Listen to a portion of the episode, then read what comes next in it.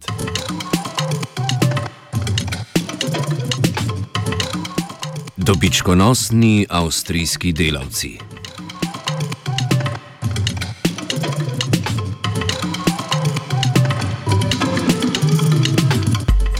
Avstrijska vlada je potrdila predlog spremembe zakona o zaposlovanju, ki privilegira v Avstriji nastanjene delavce.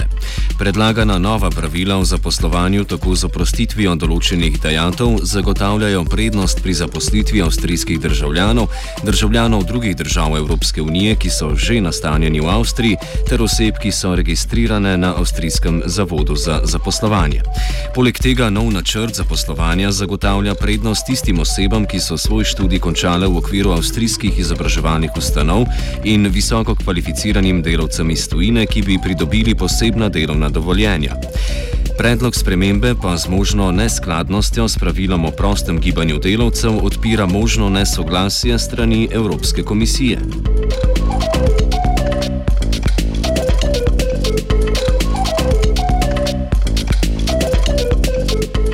Mesecem julijem naj bi država za obdobje treh let prepolovila višino prispevkov podjetij za delavce, ki bodo zasedli nova delovna mesta in bodo ustrezali bonificiranemu zaposlovalnemu kriteriju. V omenjen program namerava vlada vložiti 2 milijardi evrov sredstev, s pomočjo katerih naj bi pomagala ustvariti 160 tisoč novih delovnih mest. Več o spremembi zaposlovanja in o tem, kako bi potekalo financiranje podjetij, ki bodo zaposlovala avstrijske delavce, pove Paul Schmidt z avstrijske družbe za evropsko politiko. Well, um, it was just decided yesterday um, there will be, I think, uh, a budget of uh, 500 million uh, euros a year with a ceiling of two. Uh, 2 billion euros that will be used um, to promote this job creation uh, and to um, help companies uh, to employ uh, people that are looking for a job. Um, it is uh, its main objective is to focus on the Austrian labor market to create employment and and boost economic growth at the same time. It's um, it's there's a lot of theory behind it, and it will be tested. Um, with the beginning of, of, of the summer, I think, and we will see uh, if it works and if if it brings positive results. Uh, if it doesn't, if it doesn't deliver positive results, well, then uh, there will be a review of the whole uh, policy. Um, and and measures that has have been decided. Um, it remains to be seen. I mean, it's it's it's a good idea, and the government mentioned that it has to be in line with EU law and and asked for understanding that uh, in particular those unemployment already those unemployed already in Austria uh, will will be promoted. And let's let's see if it works. Uh, we have to we have to give it a chance. And if it doesn't work uh, I think the government will have to think about something else Kristjana Weidel, direktorica The World of NGO Austria, o poteku omenjen, omenjenega financiranja podjetij dodaja. First of all, you have to know that the company will only get this money after employment of a certain time, so not before. So it has to be sure that they really employ, uh, employed these persons and didn't just say they will employ. This is different from the as it normally is done with funding. So this is the first time you really have to employ. And then what's the idea behind that if you have employed this person for some time, let let's say one year or two years, then maybe this person really will stay with you in the company. And as I said before, it's especially the young people who are to be focused at because there is also this initiative of bringing young people into employment in Austria now and in, all, in all the EU member states, of course. Avstrijska brezposelnost po trenutnih podatkih Eurostata znaša 5,7 odstotka, a ne glede na nizko stopnjo se država sooča z nekoliko intenzivnejšim naraščanjem brezposelnosti kot predhodno. Več pove Schmidt. Depending on the uh, statistical uh, rules that you apply, uh, you, you, people would say, well, we have a little bit more than five percent of unemployment, or uh, uh already uh, a little bit more than nine percent of unemployment.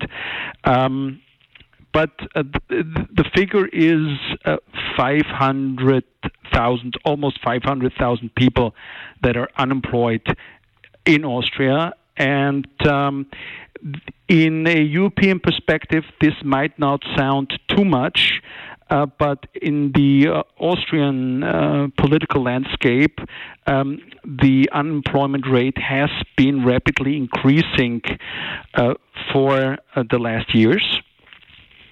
Uh, and at the same time, Austria was creating jobs but it was creating less jobs than uh, the speed of increase of the unemployment rate. Uh, and uh, we, we, we have experienced in the last uh, five to ten years a very strong influx of, of uh, EU citizens into the Austrian labor market.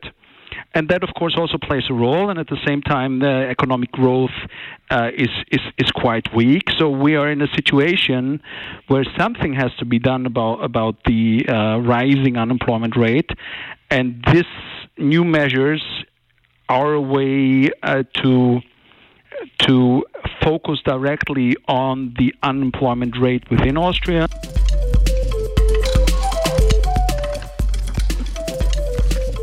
Glede realne stopnje brezposelnosti več doda Kristjana Weidel, direktorica The World of NGO Austria. I have to say it looks like the employment rate is quite low, but in uh, reality it's not so low as it looks like because a lot of people who are unemployed are in um, teaching uh, or in in um, in school in how do you say in trainings. A lot of people who are unemployed are actually in trainings. So they are not counted as unemployed. But in reality, these people should also be counted. So the number is not as low as people might think. Sprememba zakona o zaposlovanju je sicer deležna velike avstrijske podpore, a odpira možen problem glede skladnosti z evropsko politiko. Slednja naj bi bila v določenih točkah v nesoglasju z eno od štirih svoboščin Evropske unije in sicer s pravilom o prostem gibanju delavcev. Ta državljanom držav Evropske unije med drugim omogoča pravico do dela v drugi državi članici in do enake obravnave, kot so jo deležni državljani te države. Schmidt skladnost spremembe zakona s politiko politikov Evropske unije ocenjuje sledeče.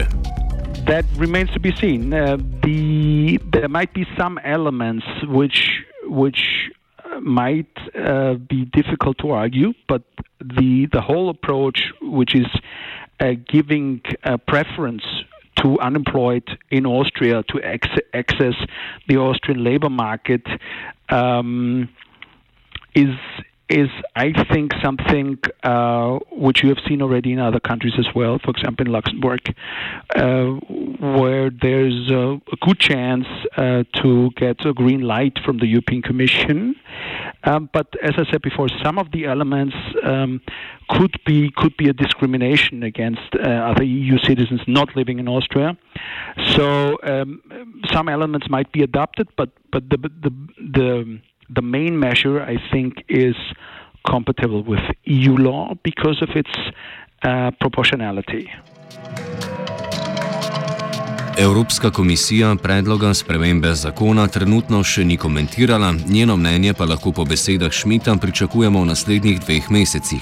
Šmit glede morebitnega neodobravanja spremembe zakona strani Evropske komisije izpostavi spremembo, ki zadeva visoko kvalificirane delavce, ki prihajajo iz tujine. Ti naj bi za delo zaprosili preko posebnih delovnih dovoljenj, kar bi lahko bilo v neskladju s pravilom o prostem gibanju delavcev. Šmit dodaja. It, it refers to the red, white red card, as it is called here, uh, whenever uh, companies are looking for uh, very skilled people, uh, which they do not uh, find within Austria. They can try to hire those skilled people from third countries. Um, I must say that this element of, of the law um, has to it has to be seen whether this element is actually EU law uh, compatible um, because it could also be discrimination um, against uh, EU citizens with the, with the same level of skills who want to move into Austria. So that remains to be seen. This element um, I would uh, slightly criticize, and we will see whether it is actually EU compatible. Vlada pa med drugim pripravlja tudi osnutek zakona, ki bi zmanjšal otroške dodatke za zaposlene, ki na delo v Avstrijo prihajajo iz drugih držav Evropske unije. Avstrija naj bi trenutno za financiranje otroških dodatkov v tujino letno izdala 249 milijonov evrov za 122 tisoč otrok delavcev brez avstrijskega državljanstva. Pri tem je največji del sredstev namenjen na Mačarsko, kjer otroški dodatki nanesejo 64,7 milijona evrov, lani pa je bilo iz Avstrije v Slovenijo s tem razlogom nakazanih 17,4 milijona evrov. Skupno naj bi Avstrija v letu 2015 za otroške dodatke Hrvaške namenila 3,4 milijarde evrov. Več o razlogih za zmanjšanje otroškega dodatka in obliki predlagane spremembe razloži Schmidt. Well, the reasoning behind it is that, that um, about uh, 250 million euros are paid out as a child benefit to children that do not live in Austria, uh, whose parents uh, or one part of the parents do actually work in Austria. And um, the government uh, pretends to save 100 million euros uh, per year um, because uh, they want to adapt the amount of this child allowance uh, to the amount paid out traditionally in the other European countries. So, for example, if you are a Slovene working in Austria and your family lives in Slovenia, uh, then uh, the objective of this law would be uh, to adapt the child allowance to the traditional paid out child, child allowance in Slovenia. Nevertheless, uh, the government pretends to be saving around 100 million euros a year.